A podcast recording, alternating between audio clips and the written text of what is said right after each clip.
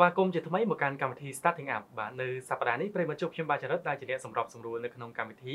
ដែលយើងនឹងជជែកពិភាក្សាគ្នាទៅលើប្រធានបទផ្សេងផ្សេងជុំវិញការធ្វើអាជីវកម្មនៅក្នុងសប្តាហ៍នេះគឺកាន់តែពិសេសសម្រាប់អ្នកដែលគាត់ចូលចិត្តទៅលើការថតរូបហើយជាពិសេសគឺជាអ្នកដែលគ្រប់គ្រងបាទទៅលើស្នាដៃថតរូបរបស់បងប្រុស Cherry ថៃបាទនៅថ្ងៃនេះយើងនឹងបានជួបជាមួយនឹងបងប្រុសផ្ទាល់ដើម្បីធ្វើការចែករំលែកបទពិសោធន៍របស់គាត់ដែលមានរយៈពេលជាច្រើនឆ្នាំមកហើយបាទជុំវិញអាជីពជាអ្នកថតរូបនេះបាទទៅកាន់ប្រិយមិត្តដែលកំពុងតែស្រឡាញ់អាជីពនេះឬក៏គាត់ដែលកំពុងតែជាអ្នកថតរូបផ្ទាល់ចង់ដឹងថាតើបងប្រុស Cherry គាត់មានបទពិសោធន៍យ៉ាងណាទើបគាត់អាចទទួលបានភាពជោគជ័យហើយបច្ចុប្បន្ននេះគឺគាត់ជាម្ចាស់បាទអាជីវកម្មដែលមានឈ្មោះថា Home Photography ផងដែរ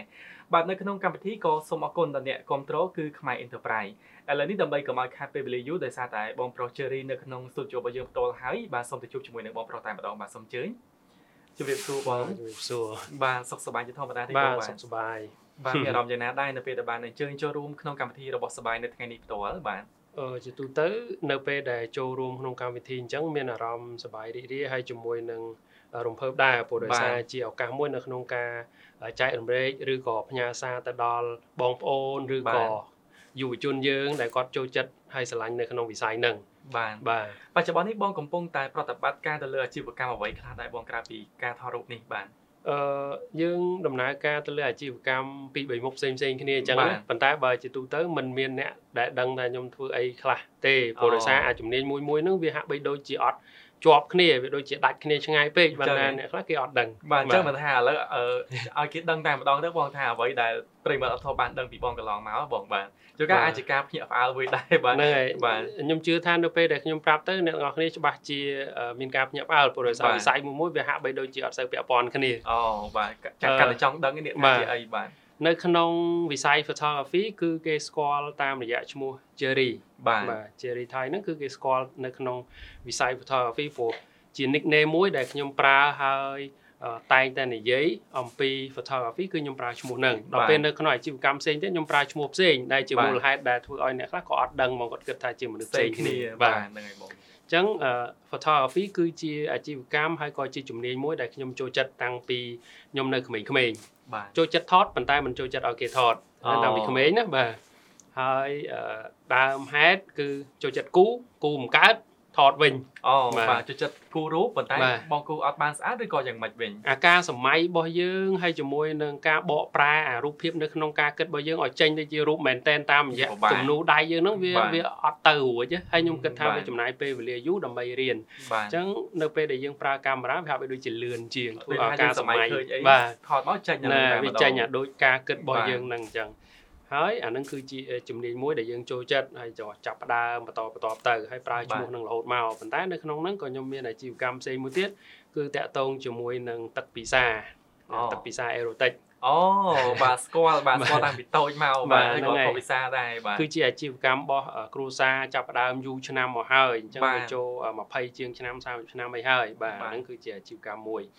ពីរហ្នឹងអត់មានតាក់ទងទេអត់តាក់ទងគ្នាមែនបងមួយថតរូបមួយទឹកបាទប៉ុន្តែ សុទ្ធតែជាអាជីវកម្មដែលមានឈ្មោះបាទបោះសលេងនៅក្នុងប្រទេសកម្ពុជាយើងបាទហើយមួយទៀតគឺនៅក្នុងវិស័យសំណង់ធ្វើការនៅក្នុងវិស័យសំណង់គឺជាក្រុមហ៊ុន MEP mechanical electrical and plumbing គឺជាក្រុមហ៊ុន សេវាកម្មដំឡើងប្រព័ន្ធទឹកប្រព័ន្ធភ្លើងណាហ្នឹងហើយហ្នឹងហើយអញ្ចឹងគឺបច្ចុប្បន្នគឺខ្ញុំមានតួនាទីជា business development manager បាទក្នុងហ្នឹងនៅក្នុងអាជីវកម្មទាំង3ហ្នឹងហ្នឹងហើយបាទហើយហ្នឹងហើយវាជារឿងបើនិយាយរឿងសំណង់ទៀតវាកាន់តែលែងជាប់គ្នាមួយទៀតបាទប៉ុន្តែសួរថាតើនៅក្នុងចំណោមអាជីវកម្មទាំង3ដែលបងកំពុងតែគ្រប់គ្រងហ្នឹងបងពេញចិត្តក៏ដូចជាស្រឡាញ់មួយណាដែលចង់ថានិស័យវិធម្មជាតិមកតែម្ដងបងបាទអឺនៅក្នុងហ្នឹងមិញខ្ញុំនិយាយអត់តន់អស់ហើយនៅមានមួយទៀត មួយទៀតបាទបាទអ្វីចឹងមួយទៀតគឺនៅក្នុងវិស័យកាហ្វេអញ្ចឹងយើងមានហាងកាហ្វេដែរអញ្ចឹងខ្ញុំបើកសាខាទី2បន្តិចទៀតហើយកាហ្វេអីដែរបងបាទ Cold Coffee អូ Cold Coffee បាទយើងបើកសាខាទី1នៅទួលគោកហើយទី2យើងនឹងបើកនៅនៅខាងនៅក្នុង mall មួយទៀតបាទហើយបើសិនជាដូចដែលសួរមិញថានៅក្នុងទាំងពីរទាំង3ហ្នឹងចូលចិត្តអីជាងគេទីពិតបើសិនជាសង្កេតមើលបន្តិចយើងនឹងដឹងថា ទាំង4ហ្នឹងគឺមានចំណុចរួមមួយ គឺចំណុចតាក់ទងជាមួយនឹងការផ្សព្វផ្សាយ marketing ហើយនឹងតំណែងតំណងបាទដូចគ្នាបាទដោយសារខ្ញុំអាចនិយាយបានថាដោយសារខ្ញុំជាមនុស្សដែលចូលចិត្តនិយាយលេងច្រើនចូលចិត្តលេងច្រើនចូលចិត្តទំនាក់ទំនងជាមួយមនុស្សច្រើនអញ្ចឹង coffee ក៏វាទាមទារឲ្យយើងទំនាក់ទំនងជាមួយមនុស្សច្រើន photography ក៏ទាមទារឲ្យយើងទំនាក់ទំនងជាមួយមនុស្សច្រើនត្រូវការចរចាជាមួយនឹងអតិជនត្រូវការចរចាជាមួយនឹង subject ដែលយើងថតអីផ្សេងៗគឺសិតតែមានទំនាក់ទំនងអញ្ចឹង អាជីវកម្មទាំងអស់ហ្នឹងគឺបើសិនជាយើងសង្កេតមើលទៅគឺដោយសារវាមានអាចំណុចរួមហ្នឹងដែលធ្វើឲ្យខ្ញុំធ្វើមួយណាក៏ខ្ញុំមានអារម្មណ៍ថាសប្បាយចិត្តដូចគ្នាប៉ុន្តែយ៉ាងណាក៏ដោយនៅតែ photography គឺជាចំណូលចិត្តខ្ញុំច្រើនជាងគេនៅក្នុង ទាំងអស់ហ្នឹងបងហើយក៏គេស្គាល់បងច្បាស់ជាងគេដែរតាមរយៈ photography នេះតែម្ដងបាទដោយសារតែដោយបងបានលើកឡើងតាំងពីដើមអញ្ចឹងឈ្មោះ Cherry Cherry នេះគេនិយាយដល់បងគេដឹងថាអូអ្នកជំនាញខាងផ្នែកផ្នែកថតរូបអញ្ចឹងទៅបាទអឺអញ្ចឹងសួរថាតើនៅពេលដែលបងមានអាជីវកម្មច្រើនក្នុងពេលតែមួយអញ្ចឹងគិតថាវាជា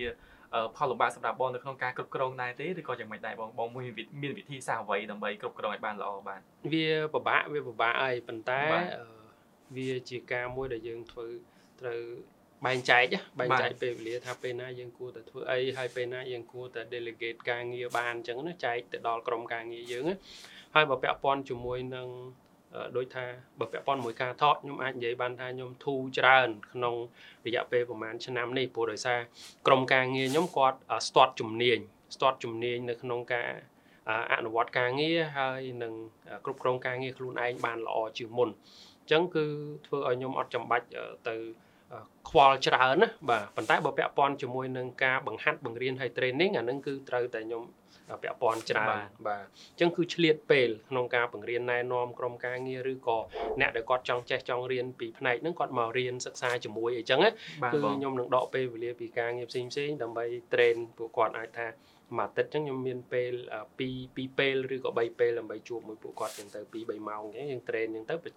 ន្ទាប់ពីចប់ទៅយើងធ្វើអីផ្សេងទៀតទៅខ្ញុំចេញពី office ខាងថតហ្នឹងទៅខ្ញុំទៅខាងហាង coffee ខ្ញុំទៅខាងក្រុមហ៊ុនដើម្បីរៀបចំការងារផ្សេងផ្សេងទៀតចឹងទៅបាទគឺថាជីវិតបងក្នុងមួយថ្ងៃគឺមកមានញឹកតែម្ដងបាទអញ្ចឹងបងអាចជួយប្រាប់ពីសកម្មភាពការងារបងក្នុងមួយថ្ងៃតើតាំងពីព្រឹករហូតដល់ម៉ោងបងសម្រាប់បងធ្វើអ្វីខ្លះបងអាច សង្ខេបត្រួសត្រាសបានទេបាទបាទហ្នឹងហើយអឺធិតពិតទៅវាវាមានការផ្លាស់ប្ដូរជារៀងរាល់ពេលរៀងរាល់ថ្ងៃប៉ុន្តែអាចថានេះគឺជាឧទាហរណ៍ក្នុងថ្ងៃមួយដែលដែលយើងប្រើពេលវេលាដើម្បីធ្វើការអញ្ចឹងណាបើជាទូទៅបើសិនជាពេលដែលកូននៅរៀនពេលព្រោះឥឡូវវាវ៉ាកងហើយ បើកូននៅរៀនគឺពេលព្រឹកឡើងគឺខ្ញុំរកវិធីសាស្ត្រយ៉ាងម៉េចដើម្បីឆ្លៀតទៅជាមួយវាពេលព្រឹកមានន័យថាជូនវាទៅរៀនទោះបីជាយើងមានអ្នកដែលគាត់នៅជាមួយដើម្បីជូនទៅក៏ដោយប៉ុន្តែខ្ញុំតែងតែឆ្លៀតពេលវេលាទៅជាមួយពួកគាត់បាទចំណាយពេលមួយកូនដែរបាទពួកពេលដែលទៅហ្នឹងមិនមែនជាបន្ទុកទេការដែលយើងជូនគាត់ទៅពេលដែលយើងយកពេលវេលាទៅជាមួយគាត់មិនមែនជាបន្ទុកទេប៉ុន្តែគឺជាពេលវេលាដែលយើងសប្បាយរីករាយជាមួយនឹងពួកគាត់នឹងអញ្ចឹងគឺឆ្លៀតត្រូវតែទៅឆ្លៀតពេលទៅឲ្យបានពីព្រឹក ការដែលទៅពីព្រឹកមួយគាត់គឺយើងបានទទួល benefit អត្ថប្រយោជន៍នឹងពីរយ៉ាងសំខាន់ទី1គឺយើងមានពេលវេលាជាមួយពួកគាត់បាទទី2គឺយើងចំណាយយើងយកពេលវេលានឹងចេញពីព្រឹកហ្មងអញ្ចឹងមានន័យថាយើងមានពេលច្រើនធ្វើអីទៀតបើសិនជាយើងយឺតយ៉ាវនឹងចេញពីផ្ទះការងារផ្សេងៗវាត្រូវយឺតយឺតយឺតយឺតតគ្នា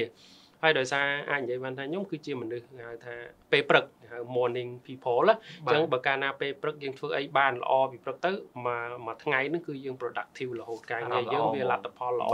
គ្រប់យ៉ាងហើយបើសិនជាអារម្មណ៍អត់ល្អពីព្រឹកទៅហើយគឺពិបាកក្នុងការធ្វើអីផ្សេងទៀតអញ្ចឹង ពីព្រឹកជូនកូនហើយបន្ទាប់មកក៏ខ្ញុំអាចទៅហាង coffee បន្តិចដើម្បីឆ្លៀតមើលការងារឬក៏ត្រួតពិនិត្យមើលថាមានកន្លែងណាគួរតែខ្វះខាតឬក៏ត្រូវការក្នុងករណីមួយចំនួនវាតែងតែមានការខូចខាតត្រូវជួសជុលជួអីអញ្ចឹងយើងមើលហើយគឺយើងប្រាប់ក្រុមការងារថាឲ្យធ្វើនេះធ្វើនោះអញ្ចឹងណាបាទបន្ទាប់មកទៀតគឺខ្ញុំនឹងសង្កេតពេលដែលខ្ញុំចំណាយពេលវេលាទៅហាងកាហ្វេគឺខ្ញុំអង្គុយហើយខ្ញុំសង្កេតថាតើមនុស្សរស់នៅបែបម៉េច មនុស្សធ្វើការបែបម៉េចមនុស្សរៀនសូត្របែបម៉េចអញ្ចឹងពេលដែលខ្ញុំសង្កេតគឺខ្ញុំតែងតែទទួលបានព័ត៌មានថ្មីរហូតហើយព័ត៌មានថ្មីអស់ហ្នឹងតែងតែជួយដើម្បីឲ្យខ្ញុំរៀបចំការងារឬក៏ធ្វើអីផ្សេងទៀតបានល្អប្រសើរជាងមុនជាការសង្កេតពីរបៀបរស់នៅរបស់មនុស្សគឺយើងអាចយកគំនិតអស់ហ្នឹងមកមក implement នៅក្នុងការធ្វើអាជីវកម្មរបស់យើងក្នុងការទំនាក់ទំនងរបស់យើងក្នុងការបង្កើត business opportunity ថ្មីរបស់យើងបាទបាទហ្នឹងហើយអឺ ឃើញថាស្ដាប់ទៅពិតជាគួរឲ្យចាប់អារម្មណ៍មែនទែនជាពិសេសគឺចំណុចទី1ដែលបងក្រោកពីព្រលឹមដើម្បីយើងមានពេលវេលាច្រើនដើម្បីធ្វើអ្វីផ្សេងទៀតចំណុចនេះគឺខ្ញុំចាប់អារម្មណ៍ដែរពីព្រោះថាអ្នកខ្លះអឺដូចថានៅពេលដែលគាត់ដឹងថាអម៉ោង9គាត់ចូលធ្វើការអញ្ចឹងម៉ោង8អីមិនគាត់ចេញពីផ្ទះទៅព្រោះគាត់ថាអនៅសល់ពេលច្រើនអញ្ចឹងណាប៉ុន្តែជាស្ដែងបើសិនជាយើងធ្វើដូចជាវិធីសាស្ត្ររបស់បងមិញនេះគឺចំណេញច្រើនមែនដោយសារតែយើងបានក្រោកពីព្រលឹមហើយយើងដូចថា ញ៉ាំអាហារអីក៏ទាន់ពេលល្អអត់ខំអត់អីអញ្ចឹងណាតែនៅពេលដែលយើងព្យាយាមអូបន្លាយពេលវេលាអាពេលវេលាដែលយើងត្រូវធ្វើអ្វីមួយរួចរាល់ទៅវាកាន់តែរុញទៅមុខទៀតហើយអញ្ចឹងវាធ្វើឲ្យការងាររបស់យើងហ្នឹងវាយឺតយ៉ាវអញ្ចឹងណាបាទបាទហ្នឹងហើយក៏ជាចំណុចមួយដែលគួរចាប់អារម្មណ៍ដែរបាទចំណុចចំណុចហ្នឹងយើងនិយាយទៅវារៀងផុតឆ្ងាយពីរឿង photography បន្តិចប៉ុន្តែវានៅតែមានអត្ថប្រយោជន៍ទៅលើគ្រប់ការងារទាំងអស់បាទអឺគេយើងអាចនិយាយបានថាវាជា ripple effect វាហាក់បីដូចជាប្រសិទ្ធភាពមួយដែលវា ប៉ះទៅលើរឿងបន្តបន្តទៀតបើយើងលឿនពីព្រឹកស្អីផ្សេងផ្សេងវាលឿនលឿនបន្តបន្តគ្នាតែបើយើងហ៊ានតែ delay អានឹងមួយគឺផ្សេងផ្សេងគឺវា delay អញ្ចឹងទាំងអស់ត្រូវបាទបាទ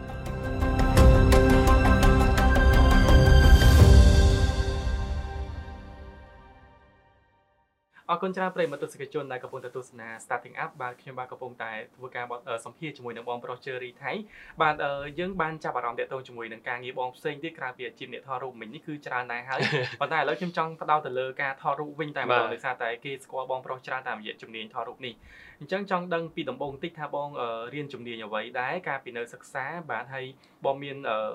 បទពិសោធន៍ការងារយ៉ាងដូចម្ដេចទើបបងចាប់អារម្មណ៍ទៅលើការថតរូបហើយវិវត្តរហូតទៅដល់ជាអ្នកអាជីពនិងមានជាហាងថតរូបវិញអញ្ចឹងបាទអូខេអឺពាក់ព័ន្ធជាមួយនឹងការរៀនហើយនឹងការប្រឡូកចូលក្នុងវិស័យ photography នេះគឺយើងចាប់ផ្ដើមមកពីការស្រឡាញ់ការចូលចិត្តបាទបាទហើយតែទៅពេលដែលយើងចង់ស្វែងរកនៅកន្លែងដែលរៀនចង់សិក្សាស្វែងយល់បន្ថែមលម្អិតឲ្យបានច្រើនវាអត់មានកន្លែងដែលរៀនពីដំបូងណាបាទអញ្ចឹងវាកើតអារម្មណ៍ឈឺចាប់មួយត្រង់ថាអីក៏ពិបាកម៉េះ ហ្នឹងហើយអញ្ចឹងបើសិនជាសួរពីតកតងជាមួយនឹងថាតើអង្ការដែលនៅរៀនរៀនអីហើយហេតុអីក៏ទៅជា photography អាហ្នឹងវាកាន់តែខុសគ្នាទៀតដែរព្រោះហេតុអីព្រោះពេលដែលរៀនអត់មានរៀនខាងតាក់ទងជាមួយនឹងខាង design អត់មានពាក់ព័ន្ធជាមួយនឹងរឿង media ហ្នឹងទេគឺអ្វីដែលខ្ញុំរៀនគឺនៅក្នុងផ្នែក business management អូបាទទៅពេលដល់រៀនចប់វាបែរទៅជាចូលចិត្តថតវិញតែទៀតពិតមិនមែនថាបែរទៅជាចូលចិត្តថតទេគឺចូលចិត្តថតតាំងពីណាពីណីហើយគ្រាន់តែវាអត់ដឹងធ្វើម៉េចអត់ដឹងថាគួរតា អត់ដឹងថាហ្នឹងវាចាប់ទៅជាអាជីពមិនអីចឹងបាទហើយពីការចាប់ផ្ដើមដំបូងគឺយើងចូលចិត្តហើយខ្ញុំក៏ចាប់ផ្ដើមស្វែងយល់មុនដំបូងមិនទាន់ថាជាស្វែងយល់ស៊ីជម្រៅទេក៏គ្រាន់តែថាយើងចូលចិត្តដូចរឿងកាមេរ៉ារឿង laptop រឿង technology ផ្សេងផ្សេងអញ្ចឹងណាក៏ទិញកាមេរ៉ាមួយទៅពេលដល់បន្ទាប់ពីទិញកាមេរ៉ាហើយយកមកយើងអត់ចេះប្រើអញ្ចឹងយើងចេះថតតែ auto mode auto mode អញ្ចឹងណាហើយក៏មានសំណួរមួយសួរខ្លួនឯងថា ចំណាយលុយទិញកាមេរ៉ាធំប៉ុណ្ណឹងហើយយកមកថតអូតូបាទហើយទៅពេលហ្នឹងដូចតែកាមេរ៉ា compact ដែរអញ្ចឹងយកមកទៅអីបាទបាទដល់ពេលហ្នឹងរៀនតិច ដំបូងក៏រៀនមានអារម្មណ៍ថាអូយស្មុគស្មាញញ៉ៃញ៉ៃបងរៀនតាមអីរៀននៅសាលាឬក៏ពីដំបូងគឺគេបានឲ្យសភៅខ្ញុំមកក្បាលទេខាងអ្នកលក់ហ្នឹងគេឲ្យសភៅអាហ្នឹងគឺការចាប់ផ្ដើមដំបូងហ្មងគឺគេឲ្យសភៅមកក្បាលហើយខ្ញុំមើលតែឲ្យតែបងសភៅហ្នឹងសភៅហ្នឹងគឺកន្លែងហាងដែលលក់ហ្នឹងអូបាទលក់កាមេរ៉ាហ្នឹងហើយគេឲ្យមកហើយទៅពេលដល់ជាឲ្យមកខ្ញុំក៏មើលត្រួសត្រួសទៅមានអារម្មណ៍ថាអេដូចស្រួលយល់ដែរតាតែ ទៅពេលដល់មើលទៅអស់លេងហើយវាតិចពេកវាអ្វីដែលបង្ហាញក្នុងសភៅហ្នឹងគឺជាវា basic មែនតើវាតិចមែនតើប៉ុន្តែវាងាយស្រួលឲ្យយើងយល់បន្ទាប់ពីយើងយល់ហើយខ្ញុំមានអារម្មណ៍ថាចង់រៀនបន្ថែមឲ្យបានច្រើនជាងហ្នឹងតែយើងត្រូវធ្វើម៉េចតែមុននឹងទៅដល់ហ្នឹងដូចខ្ញុំប្រាប់មិញចឹងដំបូងយើងមានអារម្មណ៍ថាអូយដូចស្មុកស្មាញរៀនចេះតែភ្លេចមុខភ្លេចក្រោយយើងវាអត់ចាប់បានណាបាទវាជាផ្នត់គំនិតមួយដែលខ្ញុំចង់ប្រាប់ទៅអ្នកទាំងអស់គ្នាថាមិនថាការរៀននៅក្នុង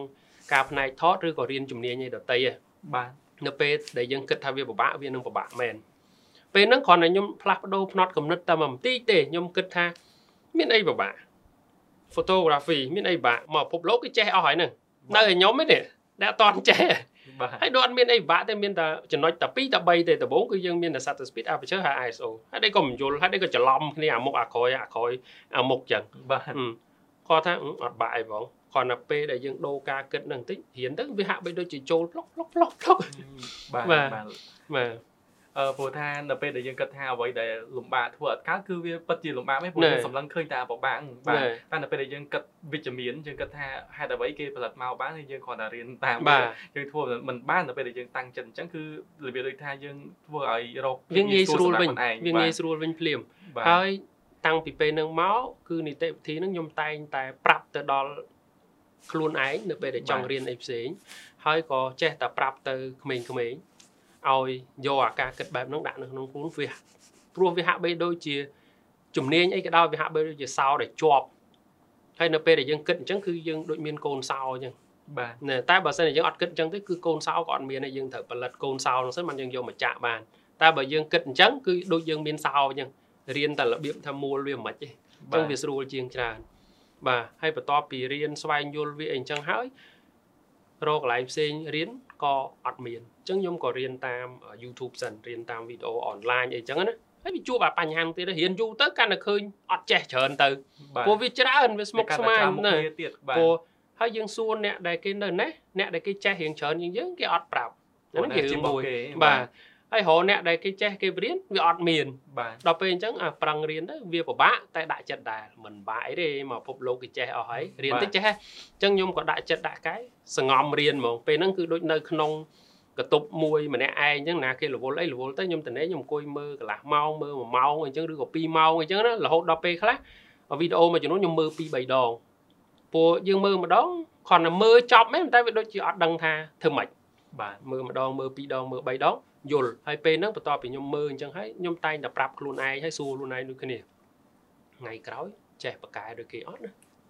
ពេលនោះអត់តន់ចេះណាតែសួរខ្លួនឯងចុះថ្ងៃក្រោយចេះបកកែដូចគេអត់ណាបើឥឡូវដូចអត់មានអីសោះអញ្ចឹងណាអូដល់ពេលអញ្ចឹងកន្លែងហ្នឹងខ្ញុំចង់ប្រាប់ទៅបងប្អូនទាំងអស់គ្នាដូចគ្នា ការដែលរៀនអីក៏ដោយតលតែយើងជឿទៀតដែរបាទគ្មានអីទេឲ្យតែយើងខំទៅយើងក៏ចេះដូចគេ មែនដល់ពេលដែលយើងចេះខំរៀនអញ្ចឹងយើងបានយល់ច្រើនបានចេះច្រើនវាងាយស្រួលវាងាយស្រួលវិញវាទៅជាងាយស្រួលវិញដល់ពេលហ្នឹងខ្ញុំក៏គិតថាយើងចូលចិត្តអាហ្នឹងយើងពិបាកហើយខ្ញុំជឿថាអ្នកដែលចូលចិត្តអាហ្នឹងចូលចិត្តការថតចូលចិត្តជំនាញនៅក្នុងសិល្បៈនៃការថតនោះមានច្រើនគ្នាហើយគាត់ក៏ច្បាស់ជារកកន្លែងរៀនអត់បានដូចគ្នាច្បាស់ជាមានបញ្ហាពិបាកដូចខ្ញុំដូចគ្នា អញ្ចឹងខ្ញុំក៏បើកជាកម្មវិធីចែករំលែកទៅលើបទពិសោធន៍នឹងដែលខ្លួនខ្ញុំផ្ទាល់មិនមែនជាអ្នកជំនាញចេះដឹងអីមកពីក្រៅប្រទេសទេគាត់តែយើងបានពេលដែលយើងសិក្សាបន្ថែមរឿងអនឡាញរឿងអីហ្នឹងហើយខ្ញុំក៏បានទៅរៀននៅក្រៅប្រទេសហ្នឹងទៅរៀនតែ4 10ថ្ងៃមួយអាទិត្យអីទេបាទមកវិញខ្ញុំក៏គិតថាឥឡូវយើងយល់បានច្រើនអញ្ចឹងយើងគួរតែចែករំលែកពេលដែលចែករំលែកដំបូងគឺខ្ញុំអត់មានធ្វើជាកម្មវិធីបើកថ្នាក់សាលារៀនអីទេ គឺខ្ញុំគ្រាន់តែធ្វើការផុសផ្សាយទៅថាឥឡូវយើងមានការចែករំលែកពាក់ព័ន្ធមួយ photography អត់មានជាការគិតថ្លៃអីទេអញ្ចឹងយើងជុំគ្នានៅកន្លែងនេះអ្នកណាចូលចិត្តក៏មកទៅអញ្ចឹងពេលហ្នឹងយើងក៏ចាប់ផ្ដើមជាមួយនឹងការចូលរួមពីអ្នកដែលចូលចិត្តហ្នឹងដូចថា4 10នាក់4 10នាក់រៀងរាល់ចុងសប្ដាហ៍បាទជួនកាលមានសៅរ៍មានអាទិត្យ2ថ្ងៃអញ្ចឹងជួនកាលមានតែថ្ងៃសៅរ៍ឬក៏ថ្ងៃអាទិត្យអីមួយថ្ងៃអញ្ចឹងទេតែខ្ញុំបន្តធ្វើរហូតដល់អ្នកដែលចូលរួមហ្នឹងគាត់ពិបាកពេកបាទពិបាកពេកមិន ទៅចូលរួមនៅកន្លែងដូចហាងកាហ្វេឬក៏ដូចកន្លែងផ្សេងផ្សេងវាថ្លង់អូអញ្ចឹងយើងនិយាយប៉ុណ្ណឹងស្រែកជាមួយគេយើងពិបាកអ្នកស្ដាប់គាត់ក៏ពិបាកអញ្ចឹងគាត់ក៏លើកថាអូយធ្វើអញ្ចឹងដូចមិនកើតទេវេទនាជួលកន្លែងគេធ្វើកម្មវិធីទៅគំនិតហ្នឹងគឺចេញពីអ្នកចូលរួមបាទបាទអញ្ចឹងខ្ញុំក៏គិតថាអូល្អដែរធ្វើអញ្ចឹងវាស្ងាត់ស្រួលហើយយើងវាអត់សូវពិបាកអញ្ចឹងក៏បានដូចថាជួលអាកតុប គេមានហាងរេស្តូរ៉ង់អីមួយចំនួនគេមានដូចលក្ខណៈ VIP room អីចឹងយើងក៏ជួលគេទៅជួលទៅហើយអ្នកដែលទៅចូលរួមហ្នឹងគឺចូលគ្នាចេញលុយថ្លៃកតុបហ្នឹងទៅម្នាក់3រៀលម្នាក់5រៀលទៅតាមថ្លៃកតុបដែរថ្លៃឬក៏ថោកហ្នឹងចឹងចឹងពេលហ្នឹងមកក៏យើងចាប់ផ្ដើមធ្វើអញ្ចឹងខ្ញុំធ្វើដូចជា2ឬ3ឆ្នាំប្រហែលជា3ឆ្នាំហើយក៏មានអ្នកចូលរួមតាមអ្នកចូលរួមរហូតដែលខ្ញុំធ្វើពេលហ្នឹងខ្ញុំរាប់ថាដូចចំនួនទី1ចំនួនទី2អញ្ចឹង G1 G2 ខ្ញុំធ្វើរហូតដល់ G13 ចំនួនទី13 បាទបាទអញ្ចឹងមួយចំនួនមួយចំនួនមាន20នាក់ជាង30នាក់ជាងអញ្ចឹងអញ្ចឹងក៏បន្តបន្តបន្តបន្តរហូតដែលពេលដែលខ្ញុំធ្វើនោះគឺខ្ញុំអត់មានគិតរឿង profit អីទាំងអស់គោលបំណងគឺគ្រាន់តែជាការចែករំលែកបាទហើយអ្វីដែលជាលទ្ធផលចេញពីការចែករំលែកហ្នឹងគឺខ្ញុំទទួលបានលទ្ធផលមកវិញច្រើនពីការចែករំលែករបស់ខ្ញុំហ្នឹងទី1គឺខ្ញុំយើងធ្លាប់ឮគេនិយាយគេនិយាយលេងអានេះបរៀនបរៀនគេតចេះខ្លួនឯងមែនជាការពិតនៅពេលដែលយើងប្រឹង ពន្យល់ឲ្យគេយល់វាធ្វើឲ្យយើងដឹងអាចំណុចទូចទូចទូចទូចផ្សេងផ្សេងទៀតដែលពីមុនយើងគិតអត់បានគិតទេបាទអាការដែលអ្នកមិនយល់គេសួរយើងវាហាក់បីដូចជាគេបើកអាកន្លែងដែលយើងមិនបានគិតពីមុនមកអូគិតទៅបាទវាមួយចំនួនគឺជារឿងដែលយើងអត់ដឹងសោះមួយចំនួនគឺជារឿងដែលយើងដឹងហើយប៉ុន្តែយើងអត់ដឹងថាគួរតែប្រាប់យ៉ាងម៉េចដល់ពេលជាគេសួរបានយើងគិតពីវិធីនៅក្នុងការបញ្យល់ដើម្បីឲ្យគេយល់ដល់ពេលហ្នឹងដែលគេនិយាយលេងគេថាបរៀនគេតចេះខ្លួនឯងគឺជារឿងពិត ពេលហ្នឹងគឺខ្ញុំបានយល់ច្បាស់លំអិតកាន់តែខ្លាំងបន្ទាប់ពីបន្តការចែករំលែកជាច្រើន ជាច្រើនខែហ្នឹងមកអាហ្នឹងគឺជាលទ្ធផលមួយដែលខ្ញុំទទួលបានពីការចែករំលែកហ្នឹង photography ហ្នឹងយល់ច្បាស់នៅក្នុងអាទ្រឹស្ដីហ្នឹងកាន់តែច្រើនហហើយយើងអនុវត្តបន្តបន្តទៀត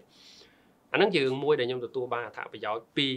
អ្នកទាំងអស់គ្នាដែលចូលរួមគ្រប់គ្រងដែលយើងបន្តការស្វែងយល់ជាមួយគ្នានឹងហើយពេលដែលខ្ញុំធ្វើអាហ្នឹងខ្ញុំមិនគិតថាខ្ញុំជាគ្រូបង្រៀន instructor អីទេខ្ញុំគ្រាន់តែប្រាប់ថាខ្ញុំគ្រាន់តែដឹងមុនមកជំហានទេអញ្ចឹងចូលរួមដកពិសោធន៍មួយគ្នាទៅអ្នកមិនចេះរៀនពីអ្នកចេះអ្នកដែលចេះប្រាប់អ្នកដែលមិនចេះទៅអញ្ចឹងខ្ញុំដឹងរឿងច្រើនតិចខ្ញុំប្រាប់ឲ្យច្រើនជាងនឹងទៅតែប៉ុណ្្នឹងទេរៀនតបង្រៀនតចេះខ្លួនឯងអាហ្នឹងជារឿងមួយរឿងទី2ការដែលធ្វើអញ្ចឹងគឺអ្វីដែលយើងបានមិន គឺអាការដែលគេស្គាល់យើងនឹងគឺកាន់តែច្រើនបាទគេស្គាល់យើងកាន់តែច្រើនអ្វីដែលទទួលបានគឺនៅពេលដែលក្រុមហ៊ុនកាណុងបើកនៅស្រុកខ្មែរធម្មតានៅពេលដែលតំណាងក្រុមហ៊ុនកាមេរ៉ាគេបើកស្រុកខ្មែរគេច្បាស់ជារោអ្នកដែលដឹងហើយនឹងចេះច្បាស់ពិតប្រកបទៅលើជំនាញហ្នឹងឯងអញ្ចឹងគេក៏រក connection ផ្សេងផ្សេងគ្នារហូតដល់មកដល់ខ្ញុំអញ្ចឹងគេសួរគេសម្ភាសគេ interview 2 3ដងរហូតដល់ឲ្យខ្ញុំក្លាយទៅជា photography instructor នៅក្រុមហ៊ុនកាណុងហ្នឹង បាទអញ្ចឹងអាហ្នឹងហើយដែលដែលខ្ញុំនិយាយបានថាបរៀនគេតចេះខ្លួនឯងអត្ថប្រយោជន៍ដែលយើងទទួលបានគឺដោយសារកើតឡើងដោយសារពីយើងចេះឲ្យពីមុនយើងឲ្យគេច្រើនមែនតែនរហូតដល់ថាឲ្យដោយមិនគិតអញ្ចឹងទីបំផុតក៏វាតបស្នងមកវិញមែន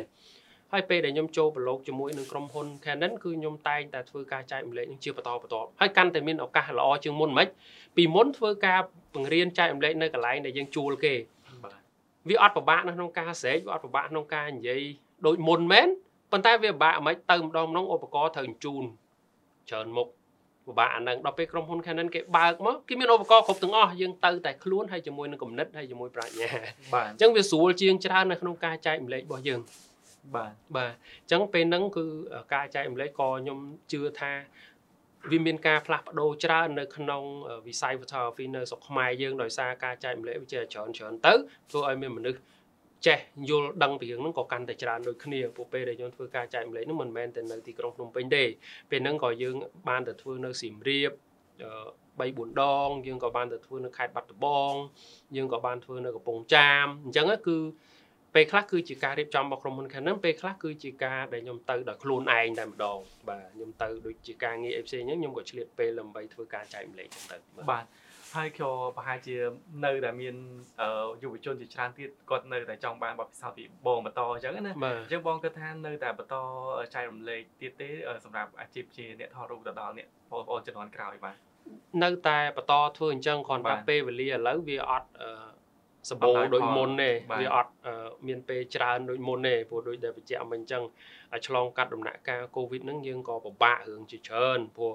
ដំណាក់កាលកូវីដគឺហាក់បីដូចជា ទូកកាន់តែធំក្តោងកាន់តែធំទទួលរងឥទ្ធិពលកាន់តែខ្លាំងអញ្ចឹងពេលហ្នឹងគឺយើងរៀងពិបាកគ្រប់មុខទាំងអស់បាទព្រោះជាបន្ទុកចំណាយគ្រប់បែបយ៉ាងប៉ុន្តែនៅក្នុងសម័យហ្នឹងគឺបើសិនជាក្រុមហ៊ុនទាំងឡាយណា ដែលអាចគេហៅថាសន្សំកម្លាំងបាន កាត់បន្ថយចំណាយបានច្រើនប៉ុណ្ណាគឺឱកាសដែលដែលលោតមកវិញហ្នឹងក៏វាធូរស្រាលជាងដូចគ្នាដែរបាទ អរគុណច្រើនខ្ញុំស្ដាប់ការរៀបរាប់របស់បងពីដំណើរដែលនាំឲ្យបងខ្លាចទៅជាអ្នកអាជីពថតរូបនេះគឺពិតជាជក់ចិត្តមែនទែនជាពិសេសគឺតាក់ទងជាមួយនឹងការចាប់ផ្ដើមដោយការស្រឡាញ់ហើយការរៀនការទិញកាមេរ៉ាហើយស្រាវជ្រាវតាមអ៊ីនធឺណិតតាម YouTube រហូតទៅបានទៅរៀនដល់ក្រៅប្រទេសហើយយកចំណេះដឹងទាំងអស់ហ្នឹងមកចែករំលែកជាបន្តបន្ទាប់រហូតតតែបង្រៀនគេចេះខ្លួនឯងហ្នឹងបាទខ្ញុំចាប់អារម្មណ៍នៅចំណុចហ្នឹងខ្លាំងមែនទែនព្រោះថានេះជារឿងមួយដែលល្អមែនទែនដោយសារតែយើង អឺចាប់ផ្ដើមមកគឺទៅជាអ្នកដែលផ្ដល់ចំណេះដឹងឲ្យគេទីបំផុតយើងក៏ជោគជ័យទៅលើអាជីពនឹងផ្ទាល់បាទហើយចង់ដឹងថាក្នុងនាមបងជាអ្នកអាជីពថតរូបបងអាចផ្ដល់និយមន័យបាននេះបងថាអ្នកដែលថតរូបអាជីពឬក៏អ្នកជំនាញថតរូបហ្នឹងបងផ្ដោតទៅលើអីគេទៅលើរូបភាពស្អាតហើយដែលដូចម្លេចដែលហៅថារូបភាពស្អាតហ្នឹងហើយអ្នកជំនាញហ្នឹងសម្រាប់បងបងគិតថាបងផ្ដោតនិយមន័យយ៉ាងដូចម្ដេចដែរបងបាទ បើពាក្យថាអាជីពមានន័យថារស់ជាមួយនឹងអាជីវកម្មឬក៏ជំនាញហ្នឹងណាហ្នឹងបើសិនយើងនិយាយឲ្យស្រួលយល់គឺវាអញ្ចឹងប៉ុន្តែមិនមែនថាអ្នកដែលចេះថតទាំងអស់គឺសុទ្ធតែជាអ្នកអាជីពទេបាទកន្លែងហ្នឹងគឺវាខុសគ្នាអញ្ចឹងព្រោះយើងអាចនិយាយបានថាអ្នកដែលគាត់ចេះជំនាញនឹងច្បាស់ប៉ុន្តែដោយសារគាត់មិនប្រកបអាជីវកម្មហ្នឹងគឺគាត់អាចនិយាយបានថាគឺអ្នកជំនាញខាងថតប៉ុន្តែគាត់មិនមែនជាអ្នកអាជីពទេ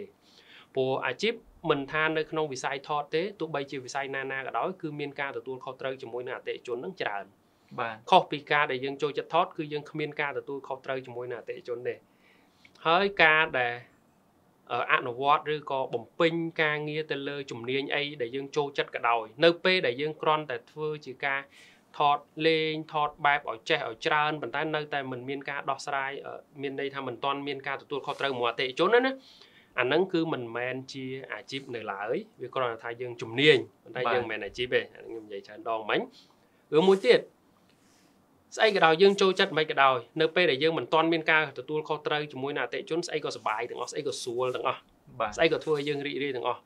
ប៉ុន្តែនៅពេលដែលយើងចូលជាអាជីពមែនតែនគឺការដោះស្រាយជាមួយអតិថិជនការដោះស្រាយជាមួយនឹងបញ្ហាផ្សេងផ្សេងកើតឡើងនៅក្នុងអាជីវកម្មហ្នឹងវានឹងធ្វើឲ្យយើងរៀងពិបាកបន្តិចវាអត់ស្រួលដូចដែលយើង ចូលចិត្តហើយថតទៅសុបាយសុបាយឯងវានឹងពិបាកជាងនឹងបន្តិចព្រោះនៅពេលដែលយើងចូលជាអាជីពយើងលែងជា photographer ហើយយើងคลายទៅជា business manager យើងคลายទៅជា accountant យើងคลายទៅជា editor យើងคลายទៅជាអ្នកតំណាក់តំណងយើងคลายជាអ្នក design យើងคลายជា photographer ហ្នឹងយើងคลายជាអ្នក trainer ហ្នឹងយើងคลายជាអ្នករៀបចំអីវ៉ាន់ទៅទៀតคลายជាគ្រប់មុខការដោះស្រាយមកអតិជននេះគឺនៅក្នុងនឹងទាំងអស់អាហ្នឹងហ្នឹងថា ជំនាញអីក៏ដោយយើងចូលចិត្តពេលដែលយើងមិនទាន់ខ្លាយជាអាជីពស្រួលសប្បាយតែនៅពេលដែលយើងចូលជាអាជីពមកមានការទទួលខុសត្រូវច្រើន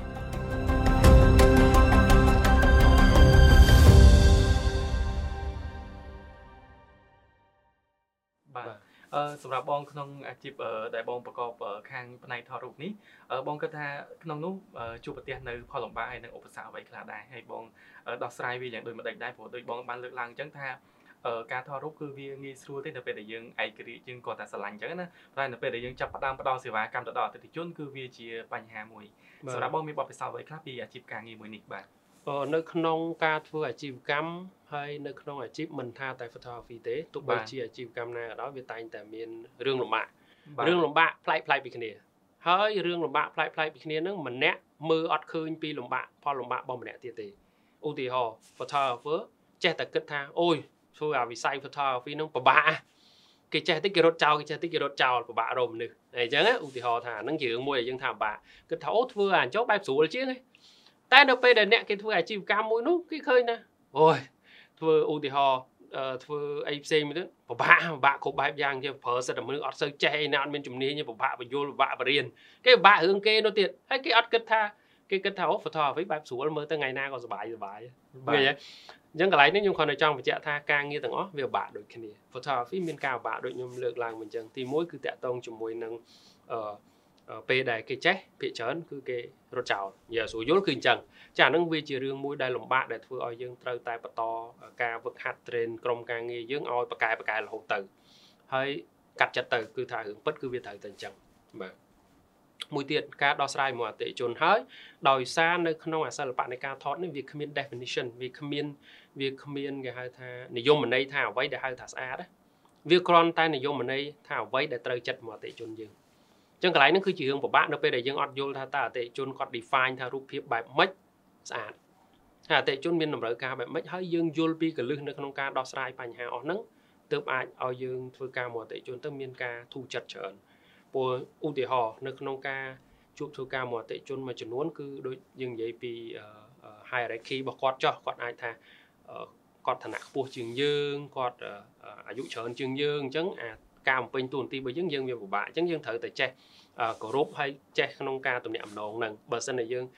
ធ្វើឆ្កុយឆ្កុយវាអត់កើតទេហ្នឹងហើយអាហ្នឹងគឺជារឿងលំបាកមួយទូចទៀត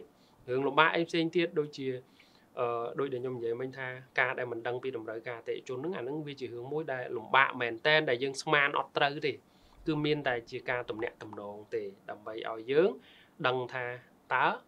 គេចង់បានយ៉ាងម៉េចហើយតម្រូវការគេយ៉ាងម៉េចហើយអ្វីដែលគេចង់បាននោះពេលខ្លះវាលើសពីពីសមត្ថភាពដែលដែលយើងអាចធ្វើបានក្នុងមួយពេលមួយពេលពាក្យមិញគឺខ្ញុំសង្កត់អត្តន័យច្បាស់លាស់ថាយើង វាលើសពីសមត្ថភាពដែលយើងអាចធ្វើបានក្នុងមួយពេលមួយពេលពិបាកដូចឧទាហរណ៍ថាពេលខ្លះអតិជនគាត់យករូប sample ដែលគាត់ចង់បានហ្នឹងណាបាទមើលទៅវាស្អាតស្អាតមែនតើបើសិនយើងមើលយើងដឹងថាអាចធ្វើទៅរួចបាទប៉ុន្តែក្នុងលក្ខខណ្ឌពេលវេលាហ្នឹងគឺអត់អាចធ្វើបានទាំងអស់ហ្នឹងឧទាហរណ៍គាត់ជ្រើសរើសទីតាំងមួយមួយមកយើងមើលទៅវាពិតជាស្អាតមែនតែបើជាក់ស្ដែងវាមិនដែលមានទីតាំងណាមួយដែលមានចំណុចស្អាតទាំងអស់ចឹងទេវាតែមានកន្លែងល្អមិនសូវល្អហើយនឹងអត់ស្អាត ចឹងបើសិនជាគាត់ជ្រើសរើសទីតាំងម្ដុំហ្នឹងចឹងគាត់បានទទួលលទ្ធផលដែលល្អនោះវាមួយផ្នែកតែផ្សេងទៀតវាអត់កើតវាអត់សូវកើតគាត់យក sample មកគឺសិតជារូបដែលនៅក្នុងគេហៅថា golden hour ឬក៏ twilight hour អាពេលវេលាហ្នឹងគឺវាមានពេលកំណត់ហើយអញ្ចឹងក្នុងមួយថ្ងៃក្នុងមួយពេលគឺវាមានពេលនឹងតិចមែនតើតោះឲ្យយើងច្បាស់ហើយយើងលះនៅក្នុងការងារទៅអាចសម្រេចបានអាប្រមាណរូបដែលស្អាតនឹងហើយគាត់យកមកមកកាភ្លុះអញ្ចឹង យើងពិតជាអត់អាចធ្វើបានក្នុងពេលមួយនឹងមែនតើបើសិនជាមានពេលអញ្ចឹងពីរបីដងយើងនឹងអាចធ្វើកើតណាអាឡៃហ្នឹងដែលខ្ញុំថាពេលខ្លះអតិជនគឺគាត់ជ្រើសរើសនៅអ្វីដែលគាត់ចូលចិត្តវាខុសពីការពិតដែលថាអ្វីដែលចូលចិត្តហ្នឹងគឺធ្វើបានតែមួយផ្នែកទេនៅក្នុងពេលហ្នឹងបាទអរគុណច្រើនស្ដាប់ទៅកាន់តែចង់ដឹងទៀតហើយថានៅក្នុងអាជីពដែលបងថតរូបអស់ជាច្រើនឆ្នាំនេះបងគាត់ថាធ្លាប់មាន អតិថិជនណាដែលលំបាកខ្លាំងហើយរូបដែលគាត់ទៀមទានឹងវាដូចបងនិយាយចឹងថាវាលំបាកយកពេលបងធ្លាប់បានធ្លាប់តែជួបប្រទះរឿងអស់ហ្នឹងឯងបងជួបជួបបាទអឺដូចដែលខ្ញុំបញ្ជាក់មិញអាជីវកម្មការដែលយើងដោះស្រាយមកអតិថិជនគឺគឺយើងជួបជាមួយនឹងមនុស្សផ្សេងផ្សេងគ្នាច្រើនមែនតើបាទមនុស្សដែលពិបាកដូចជាការដែលគាត់មិនទទួលយកនៅគំនិតរបស់យើងអាហ្នឹងក៏ពិបាកមួយផ្នែកបាទ គាត់ចង់ចេះចង់ចេះចង់ចេះហើយទៅពេលដល់យើងលើកពីគំនិតអីថាអាហ្នឹងវាមិនចេះមិនចេះមិនចេះទេគាត់ថាអត់ទេត្រូវអញ្ចឹងអាហ្នឹងគឺពិបាកនៅក្នុងការដោះស្រាយព្រោះដោយសារគាត់មានគោលគំនិតមួយ fix ហ្មងមិនផ្លាស់ប្ដូរសោះហ្មងអាហ្នឹងគឺពិបាកតែអតិជនបែបអញ្ចឹងគឺជួបតិចទេជួបតិចទេក្នុងមួយឆ្នាំអីជួបអ្នកអីទេបាទដែលពិបាកបើអតិជនមួយចំនួនគាត់មានការកំណត់ច្បាស់លាស់ចឹងដែរប៉ុន្តែគាត់យល់ជាមួយយើង ប្រភេទហ្នឹងគឺខ្ញុំជួបច្រើនប៉ុន្តែគឺបន្ទាប់ពីយល់គ្នាហើយធ្វើការគឺរលូនហើយលទ្ធផលបានល្អទៀតគាត់ចង់បានចេះចេះចេះប៉ុន្តែយើងបញ្យល់គាត់ថាអូអាហ្នឹងវាធ្វើអត់កើតទេក្នុងពេលវេលាហ្នឹងប៉ុន្តែការដែលបញ្យល់ទៅគាត់វិញហ្នឹងអ្វីដែលខ្ញុំនឹងបញ្យល់នេះគឺជាអ្វីដែលខ្ញុំបញ្យល់ទៅក្រុមការងារឬក៏បញ្យល់ទៅអ្នកដែលចូលចិត្តឬក៏ឆ្លាញ់នៅក្នុងវិស័យនឹងដូចគ្នាមានន័យថាការដោះស្រាយជាមួយនឹងតម្រូវការបរទេសជនរបស់យើងហ្នឹងការដែលយើងមិនទទួលមិនធ្វើតាមគាត់អ្វីដែលគាត់ចង់បានយើងអត់ព្រមធ្វើហ្នឹង គឺយើងឆ្លើយតបដោយយកគេហៅថាបច្ចេកទេសទៅនិយាយមកគាត់យកការរៀបចំទៅលើទ្រឹស្ដីដែលច្បាស់លាស់និយាយមកគាត់យើងមិនមែនយកលេសទៅនិយាយយើងមិនមែនយកភាពខ្ជិលច្អូសយកទៅនិយាយយើងមិនមែនយកអារបៀបស៊ីម៉ោងទៅនិយាយមកគាត់ទេគឺយើងយើងយកជាលក្ខណៈបច្ចេកទេសទៅនិយាយមកគាត់ឧទាហរណ៍ថាពេលវេលាហ្នឹងថតទៅវាអត់ស្អាតទេគាត់ឲ្យរូប sample ហើយគាត់ចង់ថតម៉ោងឧទាហរណ៍ថាម៉ោងហ្នឹងហ្មងបាទ យើងអាចថាអត់តន់ថតទេព្រោះអត់ស្អាតអញ្ចេះអត់ស្អាតដោយសារប្រភពពលឺអត់ស្អាតដោយសារទិសដៅនៃពលឺអត់ស្អាតដោយសារពណ៌នៃពលឺអត់ស្អាតដោយសារទីតាំងហ្នឹងវាអត់តន់សមស្របជាមួយពេលវេលាហ្នឹងយើងបញ្យល់ឲ្យគាត់ជាលក្ខណៈបច្ចេកទេសមិនមែនយើងបញ្យល់គាត់ដោយសារអូយក្តៅពេកយើងខ្ជិលទេហើយខ្ញុំធ្លាប់ជួបអតិថិជនបែបហ្នឹងដែលខ្ញុំថតខ្ញុំថតតែមួយផ្លែតខ្ញុំឈប់ខ្ញុំថតមួយផ្លែតខ្ញុំឈប់ប៉ុន្តែលទ្ធផលខ្ញុំឲ្យគាត់មើលរហូតដើម្បីឲ្យគាត់មានទំនុកចិត្តលើយើងថាអ្វីដែលយើងនិយាយជាមួយគាត់គឺជា បច្ចេកទេសពិតប្រាកដមិនមែនយើងស៊ីម៉ោងគាត់ទេព្រោះធម្មតាការថតពេលខ្លះអតិជនមានការព្រួយបារម្ភថាយើងស៊ីម៉ោងធ្វើទៅជាតិចតិចតិចតិចចឹងទៅស៊ីម៉ោងពេលវេលាធ្វើបានតិចអស់ម៉ោងច្រើនប៉ុន្តែដូចខ្ញុំបញ្ជាក់អញ្ចឹងទាំងខ្ញុំបង្រៀនក្រុមការងារក៏ដោយទាំងខ្ញុំប្រាប់ទៅ photographer ដតីដតីទៀតក៏ដោយការដែលយើងនិយាយជាមួយអតិជនផ្អែកទៅលើលក្ខណៈបច្ចេកទេសធ្វើឲ្យគេមានទំនុកចិត្តលើយើងកាន់តែខ្លាំងព្រោះយើងនិយាយវាជារឿងពិតបាទមិនមែនថា អត់ថតដោយសារយើងខ្ជិលទេអត់ថតដោយសារលក្ខខណ្ឌពន្លឺអត់អំណោយផលអត់ថតដោយសារលក្ខខណ្ឌកន្លែងហ្នឹងមិនទាន់ល្អយើងអាចថតកន្លែងផ្សេងយើងអាចផ្លាស់ប្ដូរប្លង់ណាមួយសិនហើយថតអាហ្នឹងគឺជាពេលវេលាដែលធ្វើទៅគេទុកចិត្តដល់យើងហើយពេលខ្លះដែលយើងឈប់ពេលខ្លះដែលយើងត្រូវថតគឺគេលែងប្រកាន់ហើយប៉ុន្តែតបស្នងជាមួយនឹងអាការដែលយើងមិនធ្វើជាមួយនឹងអ្វីដែលគាត់ចង់បាននឹងហើយយើងដូរដោយមានហេតុផលបច្ចេកទេសផ្សេងផ្សេងផ្ទុយទៅវិញបើសិនជា លក្ខខណ្ឌពន្លឺអំណោយផលពណ៌នៃពន្លឺអំណោយផលគុណភាពនៃពន្លឺអំណោយផលទីតាំងល្អស្អីស្អីល្អទាំងអស់អស់ដល់ម៉ោងចង់និយាយថាដល់ម៉ោងឧទាហរណ៍ថាម៉ោងល្ងាចម៉ោងបាយម៉ោងអីចឹងអត់មានឈប់ទេបាទជា style ជារបៀបដែលខ្ញុំធ្វើការកន្លងមកគឺនៅពេលដែលរឿងផ្សេងផ្សេងវាធ្វើឲ្យលទ្ធផលនឹងល្អអត់មានត្រូវឈប់ទេវាអត់មានហេតុផលណាមួយដែលត្រូវឈប់តលទៅសោះព្រោះលទ្ធផលដែលចេញមកហ្នឹងមិនមែនជាលទ្ធផលដើម្បីឲ្យអតិជនយើងទេ គឺជាលទ្ធផលដែលយើងផ្ដល់ស្នាមញញឹមទៅឲ្យគាត់នៅពេលដែលយើងយកលទ្ធផលហ្នឹងឲ្យគាត់មើលគាត់ថាគាត់ភ្ញាក់ផ្អើលជាមួយលទ្ធផលបែបហ្នឹងអានឹងហើយគឺជាលទ្ធផលរបស់យើងវិញបាទអាការដែលឃើញស្នាមញញឹមអាការដែលគាត់ទូទាត់ជាមួយនឹងតម្លៃសេវាឲ្យយើងហើយហើយគាត់ថាអូអរគុណច្រើនណាស់ដែលខំប្រឹងបង្កើតលទ្ធផលបែបហ្នឹងអាហ្នឹងហើយដែលថារកគ្មានអាហ្នឹងហើយដែលអ្នកសិល្បៈគ្រប់គ្នាតែងតែចង់បានបាទប៉ុន្តែអ្នកខ្លះគឺគាត់ភ្លេចពីចំណុចហ្នឹងអញ្ចឹងនៅពេលដែលភ្លេចពីចំណុចហ្នឹងគាត់បាត់បង់អាអា ផ្លូវអារម្មណ៍នឹងមួយព្រោះធម្មតាការធ្វើអាជីវកម្មឬក៏ជំនាញដែលពាក់ព័ន្ធនឹងផ្នែកសិល្បៈមានន័យថាគំនូរក៏ដោយ design ក៏ដោយថតក៏ដោយវាទៀមទីអាផ្លូវអារម្មណ៍នឹងដូចគ្នាវាតល់តែយើងបានទាំងថវិកាដើម្បីយើងបន្តការងាររបស់យើងទៅមុខហើយជាមួយនឹងអារម្មណ៍សប្បាយរីករាយជាមួយនឹងការងារនឹងទៀតបានជាយើងមានកម្លាំងចិត្តនឹងបន្តទៅទៀតបាននៅពេលដែលយើងភ្លេចរឿងនឹងមួយយើងគិតតែពីរឿងផលចំណេញដែលថាអូដល់ម៉ោងឲ្យឈប់យើងអត់បានលទ្ធផល មិញទេអាលទ្ធផលដែលល្អអាលទ្ធផលដែលថាអរគុណដែលខិតខំបង្កើតលទ្ធផលមួយដែលល្អប្រសើរហើយសบายចិត្តជាមួយនឹងអាលទ្ធផលរូបហ្នឹងបាទបាទខ្ញុំធ្លាប់ថតដល់ម៉ោង8យប់9យប់10យប់រហូតដល់12យប់មិនមិនថាពេលណាទេឲ្យតែពេលហ្នឹងវាពិតជាអំណោយផលជាមួយនឹងលទ្ធផលចុងក្រោយដែលល្អប្រសើរបាទអឺស្ដាប់ហើយគឺពិតជាល្អមែនទែនព្រោះថាចំណុចនេះបាទមាន បងបងអ្នកថតរូបមួយចំនួនបាទខ្ញុំមិនមិនសំដៅទៅលើអ្នកណាទេពេលខ្លះគាត់អាងមានជំនាញគាត់ជាអ្នក professional អីចឹងទៅពេលខ្លះគាត់រៀងអឺអាចនឹងថារឹកខ្ពស់ចំពោះអតិថិជនបាទអញ្ចឹងវាអាចនឹងថាប៉ះពាល់ដល់អាជីពរបស់គាត់ទៅវិញទេបាទព្រោះថាពេលខ្លះអតិថិជនធ្វើត្បិតតែគាត់អឺ អឺព្រៀងប្របាប់នៅពេលខ្លះមែនក៏ប៉ុន្តែក្នុងនាមយើងជាអ្នកថតរូបធ្វើមិនយើងសម្រួលមួយគាត់ឲ្យបញ្ហាបច្ចេកទេសដូចបងមិញហ្នឹងគឺខ្ញុំគាត់ថាគាត់ក៏អាចទទួលយកបានដែរបាទអញ្ចឹងវាល្អប្រសើរជាជាងដែលគាត់មិនមិនឆ្លើយតបបង្ងើយកតើយមួយអ្នកថតរូបពេលដែលគាត់ខំចំណាយលុយទាំង1000ដុល្លារទៅជួលគាត់មកអញ្ចឹងណាតែតែគាត់ជាអ្នកកំងជាអ្នកវិជាពួកគាត់វិញអញ្ចឹងទៅពេលខ្លះវាធ្វើឲ្យប៉ះពាល់ដល់អារម្មណ៍ទេជនដែរហ្នឹងហើយអរគុណច្រើនបងដែលបានចែករំលែកយ៉ាងក្បោះក្បាយខ្ញុំគិតថាចំណុចខ្លះគឺពិតជា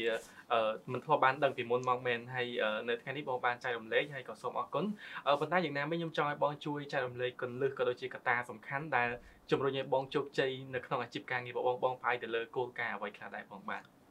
បើនិយាយពីរឿងជោគជ័យដូចគ្មានជោគជ័យទេព្រោះដោយសារនៅក្នុងអាជីវកម្មនៅក្នុងជីវិតរស់នៅរបស់យើងវាមិនមែនជាគេហៅថាជាការរត់ប្រណាំងដែលមានទីបញ្ចប់បាទវា នៅក្នុងអាជីវកម្មក៏ដោយនៅក្នុងជីវិតរស់នៅយើងក៏ដោយវាមិនមែនថាយើងធ្វើទៅបានល្អថ្ងៃហ្នឹងគឺទីបញ្ចប់ទេមិនមែនទេគឺជាដំណើរដែលត្រូវតែប្រឹងទៅរហូតអញ្ចឹងបានកន្លែងហ្នឹងខ្ញុំនិយាយថាវាវាមិនជោគជ័យទេតោះឲ្យយើងខំប្រឹងបន្តបន្តទៀតហើយយើងរីករាយជាមួយនឹងអ្វីដែលយើងធ្វើអាហ្នឹងបានយើងទទួលអារម្មណ៍បែបគេហៅថាបើយើងនិយាយស្រួលយល់គេហៅថាអារម្មណ៍បែបជោគជ័យប៉ុន្តែមែនតើមិនមែនជោគជ័យស្អីទេគ្រាន់ថាយើងនៅតែបន្ត ការខិតខំយើងនៅតែសប្បាយយើងនៅតែញញឹមជាមួយការងារហ្នឹងអាហ្នឹងឯងដែលគេហៅថាជោគជ័យក្នុងផ្លូវចិត្តផ្លូវអារម្មណ៍របស់យើងនោះបាទអញ្ចឹងនៅក្នុងការដែលយើងអាចធ្វើអញ្ចឹងបានជាពិសេសនៅក្នុងផ្នែកអាជីពនៅក្នុង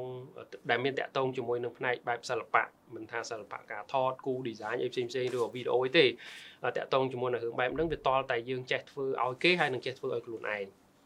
ពាក្យថាចេះធ្វើឲ្យគេហើយចេះធ្វើឲ្យខ្លួនឯងដូចខ្ញុំបានលើកឧទាហរណ៍រឿងសាច់រឿងមួយរយៈមួយប្រាវមិនហ្នឹង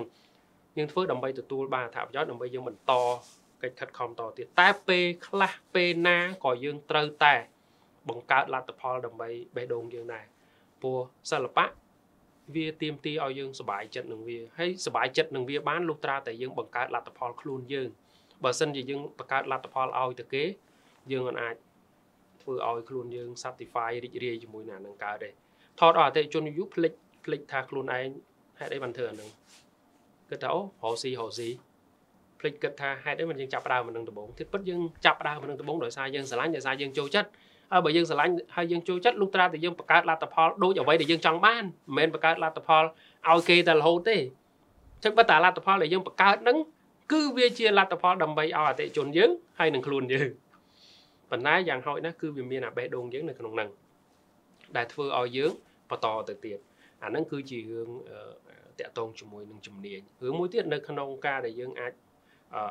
នៅតែអាចបន្តធ្វើក្នុងនឹងឲ្យសុបាយរីករាយឬក៏ជោគជ័យជាមួយវាបានហ្នឹងគឺត្រូវទទួលស្គាល់ការពិតថាស្អីក៏លំបាកដែរស្អីក៏លំបាកដែរបើសិនជាយើងហ៊ានតែគិតថាអូធ្វើទៅលំបាកយើងបោះបង់ចោលគឺវាវាបាត់ហើយស្អីក៏លំបាកអញ្ចឹង បើលំបាកត្រូវតែជំនះត្រូវតែខិតខំតទៅមុខទៀតអញ្ចឹងយើងនឹងទទួលបានលទ្ធផលផ្លែផ្កាបន្តបន្តបន្តបន្តហើយត្រូវរៀនសូត្រពីគ្រប់មេរៀនដែលអាជីវកម្មនិងជីវិតនឹងបង្រៀនយើងពេលខ្លះដូចថាដូចមិញខ្ញុំបានលើកយកថាគេចេះគេរត់ចោលអីហ្នឹងវាជារឿងសាមញ្ញមួយដែលថាបើនៅពីក្មេងខ្ញុំមិនដែលយល់ពាក្យថាខ្ញុំធ្លាប់ឮម៉ាក់ខ្ញុំនិយាយពីក្មេងគាត់ថាកូនឯងកុំជឿគេពេក កុំជឿគេពេកនេះគឺមានន័យអញ្ចឹងទោះបីជាយើងស្រឡាញ់គេមិនក៏ដោយទោះបីជាគេសំដែងការឲ្យយើងឃើញមិនក៏ដោយពេលខ្លះគេគ្រាន់តែកុហកយើងទេតែខ្ញុំអត់យល់អាហ្នឹងតែតទៅពេលជួបតើល្អអាហ្នឹងដែលម៉ាក់ខ្ញុំមានន័យអញ្ចឹងយើងត្រូវទទួលដឹងឮថាការងារហ្នឹងគឺវាអញ្ចឹង អញ្ចឹងខិតខំបន្តទៀតទៅបង្ហាត់បង្រៀនមនុស្សឲ្យកាន់តែច្រើនទៅអញ្ចឹងយើងនៅតែអាចសบายរីករាយជាមួយនឹងក្រុមការងារយើងបន្តទៅមុខទៀតដែរបាទហ្នឹងគឺជានេះហើយមួយទៀតនៅក្នុងការធ្វើអាជីវកម្មមិនសំដៅតែលើក្នុង photography ឬក៏អាជីវកម្មដទៃទៀតទេខ្ញុំតែងតែឃើញភាគច្រើន គឺគាត់ចង់ចាប់ផ្ដើមអាជីវកម្មនេះគឺរួមអឺអាជីវកម្មចាប់ផ្ដើមមិនសូវពិបាកទេមិនសូវពិបាកមានន័យថាពិបាកដែរប៉ុន្តែវាស្រួលជាង